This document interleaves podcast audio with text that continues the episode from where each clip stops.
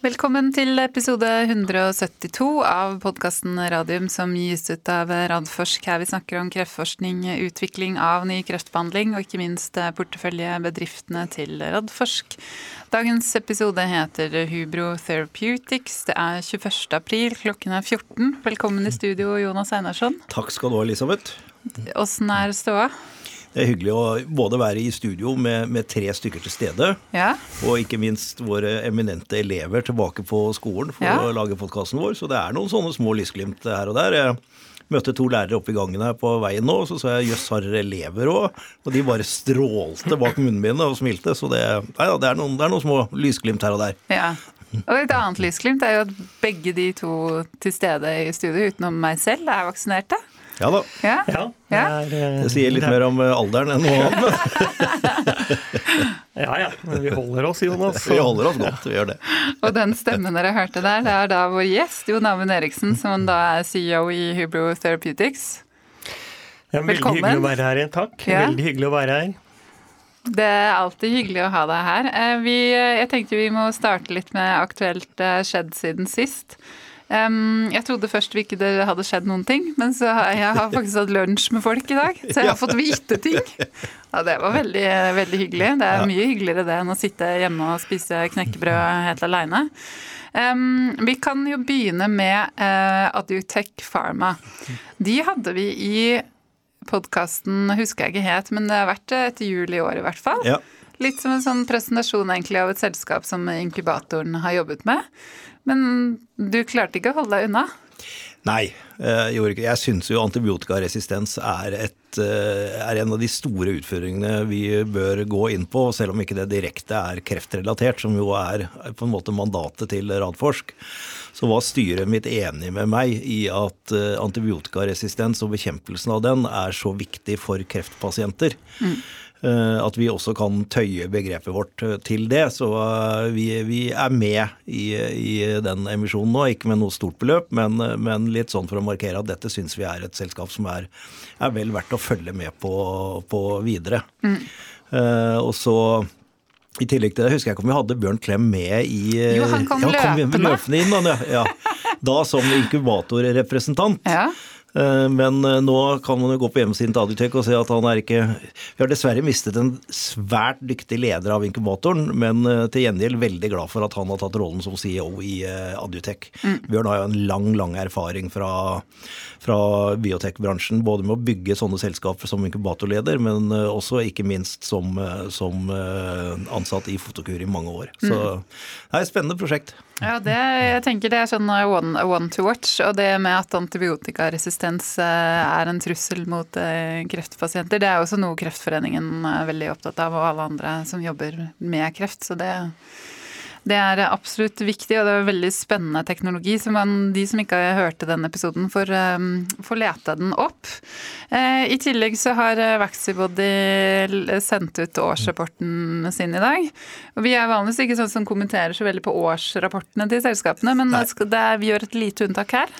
Ja, det er jo ikke hvert år vi har selskaper som eh, forandrer balansen sin på den måten som Vaxibody har gjort i, i løpet av 2020. Så det er vel, vel, vel, vel, verdt å nevne at de går inn i 2021 med en eh, balanse på mye var det? 100, Jeg tror det var 184 millioner US dollar. 184 eh, millioner dollar, ja. Mm. Uh, og more to come, more to come. Uh, hvis de lykkes. Så nei, det er, det er litt moro, da. Ja. Det. er kjempe, kjempegøy. Eh, og så sist, men ikke minst, så er Hubro dere er nominert som en av de ti mest spennende startupsene i Norge. Ja. ja. Teknoport. Teknoport, Har ja, nominert dere der? Ja, vi ble nominert, og vi deltok også på en innovasjonsfrokost. Eh, to minutters pitch. Så eh, nå er det Selve møtet er senere. Nå er det i mai, tror jeg. Mm. Og Lurer på om det var allerede neste uke. Er det allerede i slutten av april? Ja, ok. 27. Ja. syns jeg så på nettsida ja. deres. Så vi er én av ti som er nominert til eh, et av de eh, One to Follow-selskapene i Norge. Mm. Så det var eh, veldig, veldig morsomt. Ja, det er stas. Så vi takker for denne nominasjonen. Ja, det er hyggelig. Og så så jeg i tillegg at de har en eh, publikumspris som man kan gå inn og stemme på, så da oppfordrer vi jo bare lytterne våre til å gjøre det. Ja. Hvis alle lyttere går inn og stemmer på dere, så må det gjøres susen. Det kan gjøres eh, online. Ja. Det det kan eh, legge ut lenke etterpå.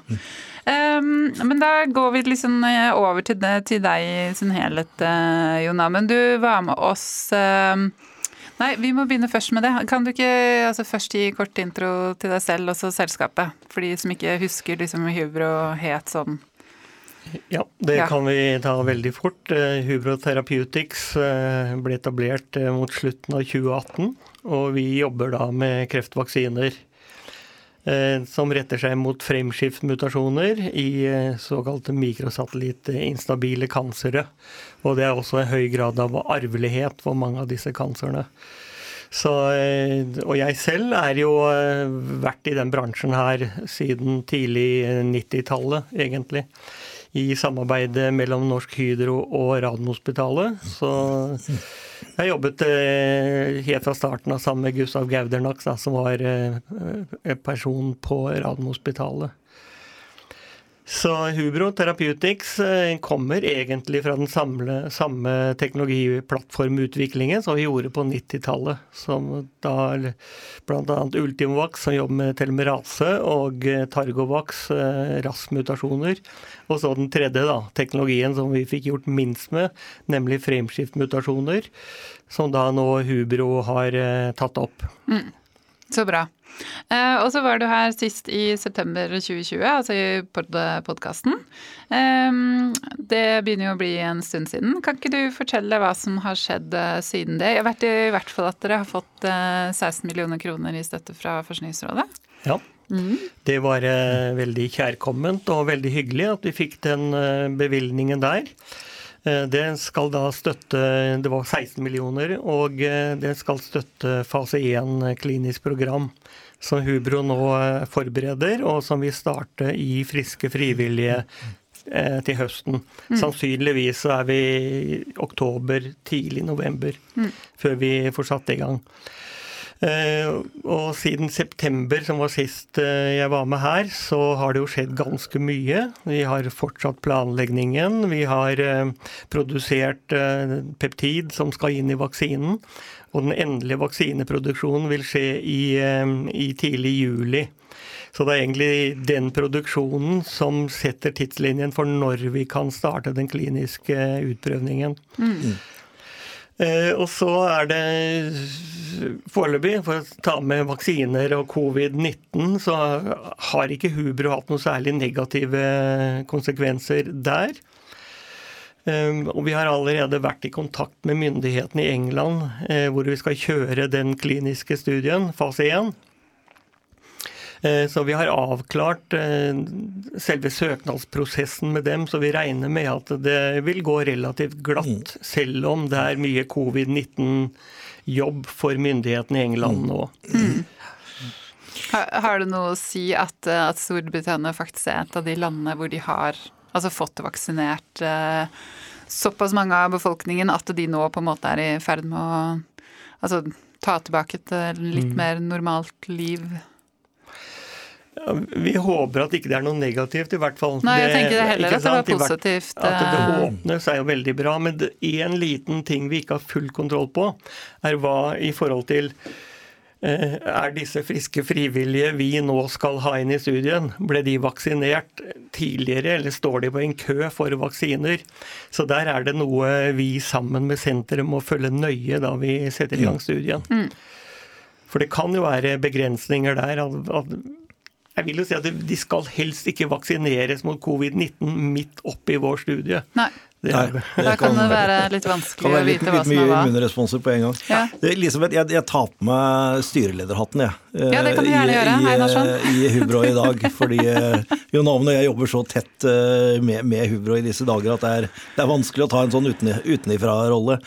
Eh, men det, det, jeg liksom har litt lyst til å si, og Jon Amund, som vi kan snakke om her nå, istedenfor liksom mm. å gå altfor mye inn i teknologiske detaljer, det er på en måte å forklare litt hvorfor vi tok opp dette med, med frameshift mutation i Hubro nå, og hvordan vi på en måte ser for oss hvor vi plasserer dette selskapet i det store bildet. Eh, jeg har jo jobba sammen med Jon Amund i eh, nesten 20 år. Noe av det første jeg gjorde når jeg kom til eh, Radforsk, var å, å begynne å jobbe sammen med han og Gustav om det selskapet som het Gamebox i den tid. Og vi har jo hatt en ja, i, i, medisinsk forskning en utrolig bratt lærekurve mm. om å få plassert inn eh, cancervaksinene. Uh, og vi ser jo spesielt i Ultimovax uh, at vi virkelig tror at vi har funnet plassen for en terapeutisk kreftvaksine. Altså en kreftvaksine som vi gir til syke pasienter, gjerne med relativt langtkommen sykdom i kombinasjon med annen immunterapi. Og når jeg sier annen immunterapi, så er det for at det ikke nødvendigvis bare er checkpoint-inhibitorer. Det kan også være andre typer kombinasjoner, som vi gjør i noen av studiene med, med Ultimovax. Uh, og, og, vi får stadig spørsmålet, da, også med Hubro, selv om vi liksom trodde vi hadde vært igjennom alle de spørsmålene med Ultimovax. Uh, hvorfor har ikke dette fungert før med kreftvaksiner? Er det noe man virkelig tør å satse på? Uh, og så må vi da forklare at vi, har, vi har, lært utrolig mye. Vi har bl.a. lært noe med lengden på peptidene som har, har, mye å si. Jeg skal ikke begynne å gå inn i HLA og den type ting men det må du ta der.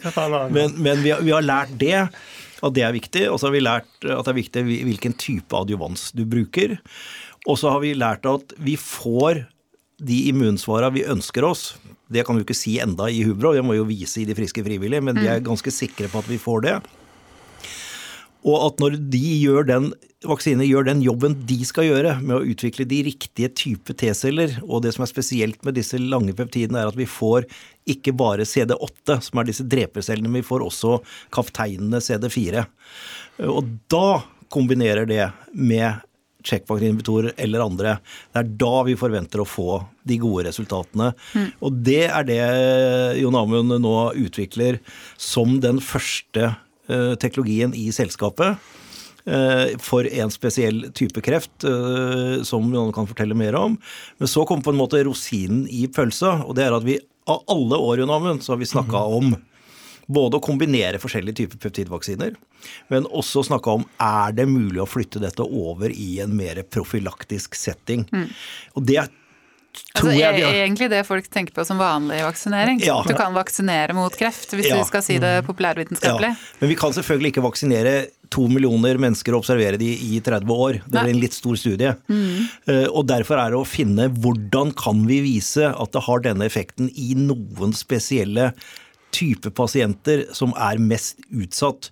Og Det er det programmet vi nå i løpet av et halvt års tid skal vi si ett års tid, eh, Jon Amund, skal eh, et, et ha, ha, nok data til at vi kan si om vi tør å gå den veien, og vi tror det er mulig. Mm. Det er det som er det veldig spennende med det selskapet. Ja, ja, det er jo helt banebrytende. Eh, så, så, det å bruke det som terapeutisk vaksine følger samme sporet som Ultimovax. Mm. Og vi må vise kliniske dokumenter. Men jeg, men jeg vil heller bruke tida Jon, på at du dykker ned i og da lansere lynsjsyndrom og den profylaktiske vaksinen. Mm. At du, du, går litt mer inn i det. Det hadde vært gøy. Ja, eh, og det, det, er det ikke sant, Det har jo kommet klarere og klarere frem at det er det som er den store perspektivet for Hubro. Det er å kunne gå inn og, som du sier Jonas, eh, vaksinere preventivt eh, personer som har stor risiko for å utvikle kreft. Mm. Og, det som setter eh, Hubro i posisjon til det, er rett og slett Eh, egenskapene og, hvor de mutasjonene vi retter oss mot Egenskapene dem, så det er de som oppstår i disse arvelige kanserne. Som alle er mikrosatellitt instabile MSI, som det populært kalles. Så derfor så, så Vi jobber med det. Vi, vi, den første vaksinen vår er rettet mot én target. Men det er likevel den aller viktigste targeten også i en profylaktisk vaksine. Men for å gå inn i, i profylakse, så ønsker vi å etablere en vaksine med noen flere targets, slik at vi har en bredere beskyttelse mot uh, utvikling av kreft. Mm. Og vi er kommet, uh, jeg vil si vi er kommet godt i vei.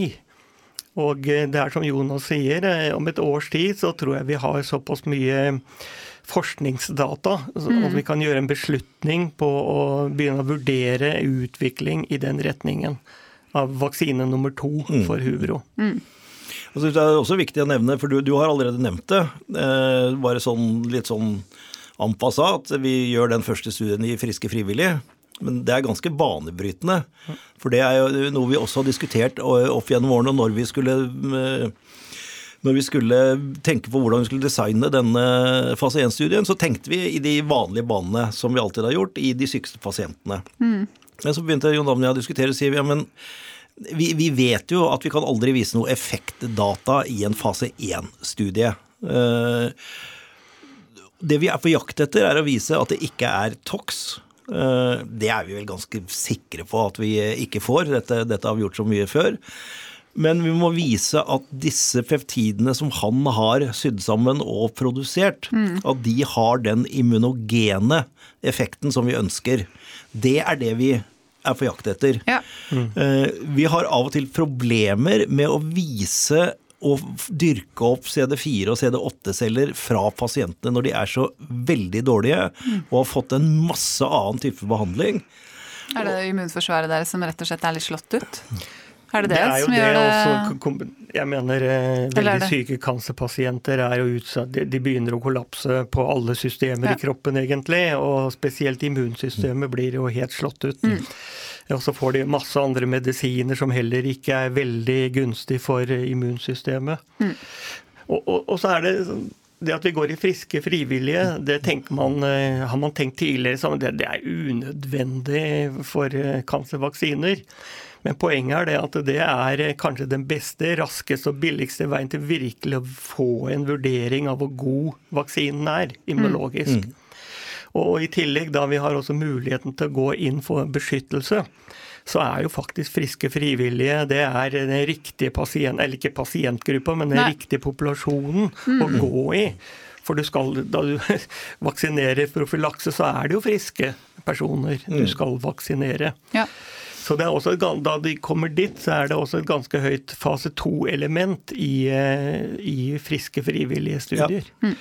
Det er det, og da, da, blir det å gå direkte over i en fase to-studie hos syke pasienter, men da i kombinasjon mm. med en checkpoint-inhibitor mm. med en gang. Og da håper vi jo at vi faktisk kan vise, spesielt hvis vi velger å gå på såkalte refrektære pasienter, altså pasienter som enten ikke har vist effekt av behandling med checkpoint-inhibitor, eller har fått tilbakefall på det. Eh, og så setter vi da i gang med kombinasjonsbehandlingen. Og hvis vi da får effekter av det, så er det veldig, veldig tydelige effektdata, selv om de ikke blir statistisk signifikante nei, nei. og alt dette vi har det, snakket om, ja. og få pasienter. Men, men, hvis du kan på en måte snu, og det har vi også sett på studier med onkolytisk virus og ja, si. annet som gjøres, at hvis de kan vise at de snur refraktære pasienter, mm. selv om det kanskje er to av ti eller tre av ti eller hva det er, så er det veldig sterke signaler. Og da mener vi at vi er godt posisjonert for å kunne plassere den terapeutiske vaksinen inn i en videre utvikling. Fortrinnsvis i et partnerskap, det er, det er planen. Ja. Uh, og det er litt sånn uh, Ja, men, men, er det hot nok for Big Pharma? Ja, Jon Amund har kartlagt dette veldig nøye. Og det ser virkelig ut som uh, virkelig er på vei fremover. Uh, var den, den oversiktsartikkelen Jon du kan uh, henvise til den? Ja, det er, og det flyter opp på suksessen med checkpoint-inhibitorer. Fordi vitenskapen der er jo helt klar at checkpoint-inhibitorene de, de har jo ingen antikansereffekt. Like lite som vaksinene. Men det som begge to gjør, er å få immuncellene, altså T-cellene, aktive. Så både vaksiner, som bare kan aktivere immunsystemet Vaksine har ingen antitumoreffekt. Checkpoint-inhibitor har ingen antitumoreffekt. Men de tar bort da de immunologiske bremsene på T-cellene, som blir stoppet av cancercellene. Så den kombinasjonen er helt den er, den er eh, vitenskap, Det er et sterkt vitenskapelig rasjonale for å mm. kombinere mm. vaksiner og checkpoint-inhibitorer. Og, og, det har jo folk skjønt.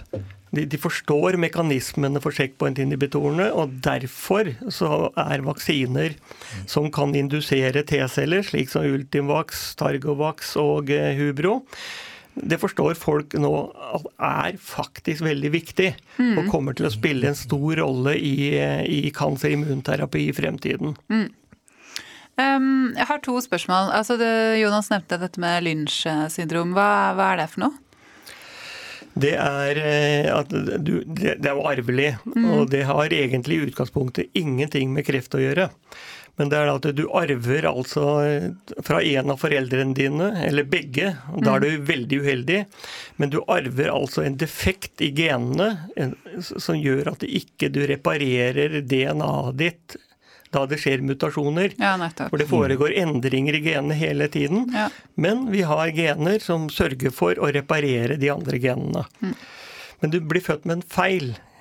Du arver en feil fra moren din eller faren din.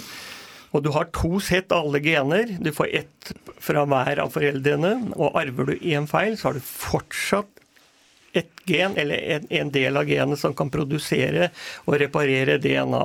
Mm. Men i løpet av livet så får du da en mutasjon som slår ut også den andre delen av det genet. Og da blir ingen eh, mutasjoner reparert i den cellen der, blir, der begge DNA-allelene blir slått ut. Og så har du da muligheter for videre mutasjoner som da også kan forårsake kanser. Mm. Skjønner. Da skjønner jeg hvorfor det er interessant. Ja, og, og det, er, si, altså, det, er også veldig viktig at den som er født med Lynch syndrom, den har den feilen i alle cellene sine. Mm. Så selv om du får én kanser, så kommer den fra én celle. Det forhindrer ikke at du får også mutasjoner i andre celler. Så dette er en livslang risiko for hele tiden å utvikle kreft. Mm. Og, og, risikoen er ekstremt mye høyere enn det er blant eh, resten av befolkningen. Mm. Opptil 80 høyere risiko. Mm. Eh, men, men, dette her med å liksom gå inn eh, profylaktisk med, med vaksiner, er det, er det Altså, jeg, jeg vi tror at det er veldig mange som har hatt lyst til å gjøre det, men er det noen som faktisk eh, har kommet så langt at de har gått inn i kliniske studier, eller, eller driver liksom med forskning i nærheten av det dere gjør på dette området globalt? Det er, eh, som Jonas har sagt allerede, så har det jo alltid vært en drøm å kunne eh, lage profylaktiske vaksiner. Det det, jo, det, det, begynte med å diskutere Vi snakker nobelpris og det meste her da. Ja. Ja. Helt fra starten av på 90-tallet, egentlig. Eh, men, og det er jo folk som forsker på det. Lynch syndrom. Det er mange som forsker på Lynch syndrom. Og det, det er ikke bare vi som lanserer tanker om å kunne lage profylaktiske vaksiner i akkurat disse risikogruppene. Og eh, det er framskiftmutasjonen som vi jobber med. Det er jo også andre som ser at dette er de ideelle targetene for å gå i den retningen. Mm.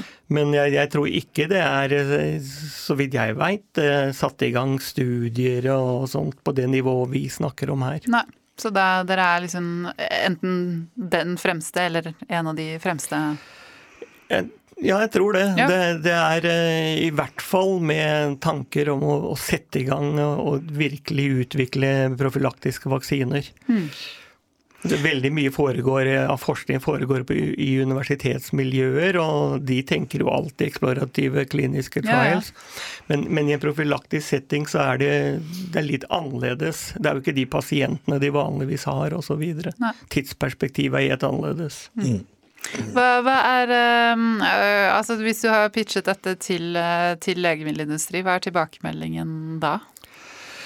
Jeg, vi har vel ikke diskutert så veldig mye direkte med legemiddelindustrien. Nei. Men uh, alle vi snakker med i miljøet rundt uh, immunterapi av kreft, de er jo alle veldig interessert i det. Mm. Og de som kan nok, de ser at dette det er ikke noe feil ved teorien, for Nei. å si det sånn. Så nå, nå, har man liksom kartet. Nå må man ut i terrenget. Se om kartet stemmer. Ja, vi er veldig tett på terrenget òg, da. vi har bl.a. i forbindelse med vi snakker om med Key Opinion Leaders eh, for en fase to-studien med den første vaksinen i pasienter. Eh, og det er jo veldig ofte de samme key opinion leaders som, som behandler kolorektal. De er også pasienter som kommer da, fra Lynch syndrom. Mm. Eh, og vi har snakket med flere, og de er rett og slett veldig interessert i å bli med i sånne studier som ja. vi snakker om. Mm. Mm. Ja, men det vil jeg tro. Absolutt. Er, ja, men så gøy. Kjempe, kjempegøy. Det er, det er sånn viktig å få dere inn i et eh, landskap, så folk på en måte skjønner hvor banebrytende dette, dette faktisk er. Um, så skjønner jeg at dere er i oppstarten av en emisjon nå. Du skal hente sånn ca. 60 millioner i løpet av mai. Si, si litt mer om det. Ja. Nei, vi, jo, vi, jobber jo fortsatt med det utviklingsprogrammet som vi, vi starta opp på for to år siden. Og I det så lå det jo en, en eh, finansieringsplan i, i, tre deler. Vi har jo gjennomført de to første, og nå vi, skal vi gjøre den eh, tredje. For å sikre rett og slett fase 1-studien og komme oss godt ut i fase 2-studien mm. som kommer. Og det er riktig, det er 60 eh, millioner vi, vi trenger til det. Og mm, det er vi i gang med forberedelsene til. Og eh, vi regner vel med at vi skal klare å få gjennomført det i løpet av eh, mai. Mm. Eller ja så, så, så, Før sommeren. Før, før sommeren, ja. Før sommeren. Det, sommeren er sånn passe relativt begrep. Ja, ja, jeg, er ikke så, er glad i datoer. Nei, jeg skulle til å si det. Det har vi diskutert mange ganger her i podkasten, at det er tidfeste ting. Det, det, er ikke så greit alltid. Nei, altså, vi, vi, vi, er jo ikke vi er tidligselskap og er ikke børsnotert, så det er ikke noe problem for oss å gå ut og si at Nei. det er, er, planen vår. Og mm. vi diskuterer med interessenter. Eh, vi har jo en eh, bra eh, aksjonærbase allerede i, i, Hubro til å være et så tidlig selskap. Mm. Ikke minst med Investinor og også et par andre, par andre som virkelig har vært med oss i flere selskaper tidligere og, og skjønner denne, denne businessen. Mm. Så det jeg si er sånn rimelig god optimist at vi skal, skal klare å, å få til det. Så så det er bare, bare, å ta kontakt hvis det er noen som er interessert i å, å få noe, noe, mer pitch på dette. Mm. Mm. Og da har du penger sånn godt ut i 2022, eller? Vi har, eh, Med det grantet vi fikk fra Forskningsrådet, så ja. har vi ikke noe akutte økonomiske problemer Nei. for å sette i gang fase 1-studien og sånt. Så vi har eh, en god situasjon ut 2021. Mm. Så, men, men allikevel så vil vi jo gjerne hente ja, bare, pengene i bare, bare, klarere det. altså Det han snakker om nå, er hva vi har av penger i dag. Ja, ja. Etter den forrige emisjonen. Så, så, det er ikke sånn at det er et akutt behov at vi må ha penger nå. Nei, nei. Men, vi, men, vi ønsker jo Men i forhold til det å kjøre kliniske studier, og hele, det er jo da det begynner å løpe de 60, på. De 60 millionene de skal da gjøre at vi kan kjøre fase 1 og den fase 2-studien, mm. og gjøre det prekliniske arbeidet i forhold til en profylaktisk vaksine. Så vi er sikre på, det gjør vi alltid før vi setter i gang studier. Eh, og da, Det programmet kan vi kjøre da til 23-24. Ja. Eh, men hvis vi nå lander på at vi virkelig har tenkt å gå all in for den profylaktiske vaksinen, så vil vi måtte reise penger til det, ja, det for da trengs det litt andre typer penger. Ja. ja. Det, det, er, det, er, den opprinnelige planen vi jobber etter, og det er eh, begrenser seg til det kliniske programmet som vi mm. nå forbereder. Og vi ønsker selvfølgelig pengene også for fase to-studien nå, fordi at det tar lengre tid å planlegge. og eh, og eh, har, du har et commitment også fra de du diskuterer med, så må mm. du ha pengene. slik ja. at liksom, Ellers er det ingen som snakker med det. Nei, nei, nei, Hvis ikke du viser det... klar vilje til å sette i gang studiene også. Mm. mm. Så det er viktig mm. at, at, vi kommer dit. Ja, det er så gøy. Det har jo skjedd utrolig mye siden vi snakka sammen sist. Um, du, du, har jo lang, lang, erfaring. Du har vært med å bygge opp uh, Lytix og også vært med å bygge opp uh, Targovax. Um, Hubro, er, er, det altså Ut fra det vi snakker om her, så er det jo liksom den der profylaktiske delen som jeg tenker er sånn det, det som gjør den veldig eh, Litt annerledes og veldig mye mer spennende. Ikke at vi skal rangere i forhold til andre selskaper, men hva tenker du selv?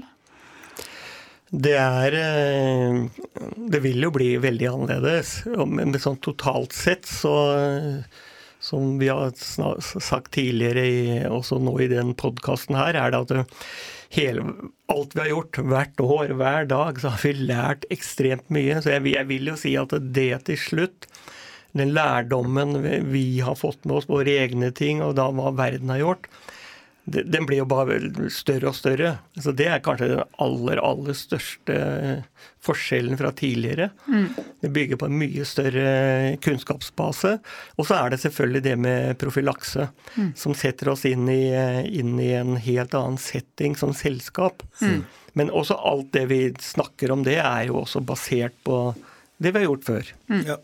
Jeg tror også vi skal nevne mRNA-vaksiner. Ja, jeg gjør det. Tek teknologi, fordi det, det, det er jo noe som eh, på en måte litt- selv hvermannsen eh, Og det er jo ikke gitt at hvermannsen skal vite hva mRNA-vaksiner er. Virkelig ikke. Men altså, mRNA er jo en, en, en annen form for teknologi. Det vi jobber med nå, er peptidteknologi med en adjuvans. Eh, og så er jo da et alternativ til det er selvfølgelig mRNA-teknologi. Eh, Med eller uten den adjuvansen vi bruker nå, eller en annen form for adjuvansteknologi. Det fins jo flere spennende adjuvansteknologier der eh, ute. Flere, av våre selskaper også som eh, utvikler det. Eh, Så det er det vi må finne ut av hvordan den profylaktiske vaksinen skal fosjoneres i, i forhold til det. og, og Eh, viktig da å understreke at eh, John Amund har, har patentert disse, disse peptidene våre, så inkluderer det også bruken av eh, om det er mRNA, DNA med eller uten adjuvans. Sånn at vi, vi, vi er fullt dekket på patentområdet på, på det. Og det er jo det vi skal bruke dette året på å finne ut. I en profylaktisk vaksine skal man da bruke en annen adjuvans? Skal man bruke mRNA-teknologi?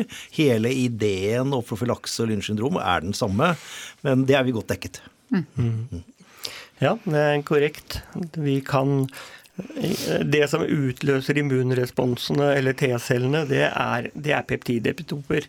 Så alle de forskjellige teknologiene, enten at vi injiserer peptidene direkte i huden, eller injiserer de genbitene av forskjellige varianter som kode for de, de peptidene, altså mRNA eller DNA-vaksiner.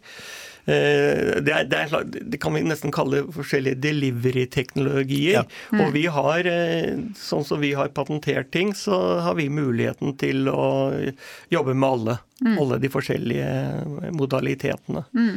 Men det, det betyr ikke at det er det som er fremtiden for dette. Nei, for det kan godt det kan være at den den seg, gjennomprøvde måten å bruke de lange peptidene på veldig enkelt å administrere, ikke minst har et sånn shelf life i eh, årevis. eh, Oppbevares i noen eh, glass eh, frystørka som du kan sette inn i skapet og stå der i årevis i, i romtemperatur istedenfor minus 70 grader. Og, Så det, er- det, det, det er ikke Vi skal dog ikke vaksinere 100 millioner mennesker som vi skal gjøre med covid-19, så det er ikke sikkert at det er den riktige veien å gå, men vi skal selvfølgelig undersøke det ordentlig. Ja, jeg er helt enig i at det, er det, det blir veldig viktig. Og det, og det er så mange for og imot på Ja. det der. Og, eh, og jeg har jo erfaring med begge, eller i hvert fall teknologier som eh, peptider. Det er billig, stabilt, veldig null problem med logistikk og oppbevaring. Men eh, i Targovac så jobber vi også med Tidligere var jeg jo med der, og mm. der er det jo onkolytiske viruser. Eh, som man oppbevarer omtrent som eh, mRNA-vaksiner. Og det var ganske mange logistiske utfordringer. Som da var, var faktisk en veldig viktig ting Targovax gjorde, var å forsøke å gjøre bedre opplegg på logistikken. logistikken. Med eh, stabilitet og lagring. Så, så, så det, det er mye mRNA-vaksiner og sånt har, eh, så- som er en fordel. Raske å lage og alt dette. Kan lage raske endringer. Men så har de logistikken som kan i mange tilfeller begrense hvor de kan brukes. Tenker vi kanskje at en profylaktisk vaksine skal kunne settes på en helsestasjon, fastleger, sånne ting. Og da har man en utfordring, i hvert fall med dagens teknologi, for mRNA-vaksiner. Så, Men- liksom, men, men jeg mener eh, problemer skal løses. Så, Ja, og tror du ikke at noen av de logistiske utfordringene blir løst, eh, eller at man i hvert fall får erfaring fra det nå med, med korona? Eh, I hvert fall, Det er jo mRNA-vaksinene man bruker eh, mye av nå, ja, si Norge, da. I Norge er det jo bare Ja. mRNA nå. Så det Så, nei, men det, det, er, det er klart at det, selskapene jobber sikkert som svint med Mm. å få det bedre. For det er jo et eller annet med at når du har sånn som de derre hurdles, hva, hva heter det på norsk? Når du har ting som du må Krabbe over. ja. Sånn som minus 70 graders oppbevaring, da. Ja. Så er jo det sånn typisk ting, ikke sant. Så da tenker du men det her må vi da kunne gå an å, å forbedre. Det er jo det som er Ja. med innovasjon, ikke sant. Så Det er det. Og, og det er egentlig en fordel at det er større selskaper som gjør alle Ja. de tingene der, for det er ganske tungt og dyrt for eh, små selskaper. ja, det, det vil jeg tro. Men du, det her var eh, innmari spennende. Jeg tror ikke jeg har så mange flere spørsmål. Du har jo da, siden du tok på deg styrelederhatten, ingen spørsmål. Har du da en kommentar? Nei da, jeg, jeg syns jo det er eh, Har jo vært et, eh, et eventyr, selv om det er kreft vi snakker om, å være med på det som har skjedd de siste, spesielt siste 20 årene i, i behandlingen av kreft. Og dette er jo bare nok en, en, mulighet, og i mine øyne en stor mulighet. Så det blir kjempegøy å følge det sporet her fremover. Mm. Absolutt. Da ønsker jeg lykke til neste uke på Teknoport. Jeg har stemt. Flott. Ja. Det var gøy om han fikk publikumsstemmen, da. Ja, jeg får vel ja. gjøre det, jeg òg, da. Ja, det, du får vel gjøre det. Eller er du inhabil, kanskje? Ja, kanskje. Nei, det kan du. Du må stemme. Man må jo stemme på seg selv. det er jo kjempeviktig, sånne ting. Nei, men eh, Strålende. Masse lykke til videre. Og så gleder jeg meg til å få deg tilbake i studio her. Du kan fortelle litt mer. Ja, eh, takk for Når det. Når studien kommer i gang. Det er i England. Det blir England, ja. Mm. Så nei, vi kommer tilbake, vi. Det er hyggelig å være her. Ja, det er bra. Ser frem til. Takk for i dag. Takk.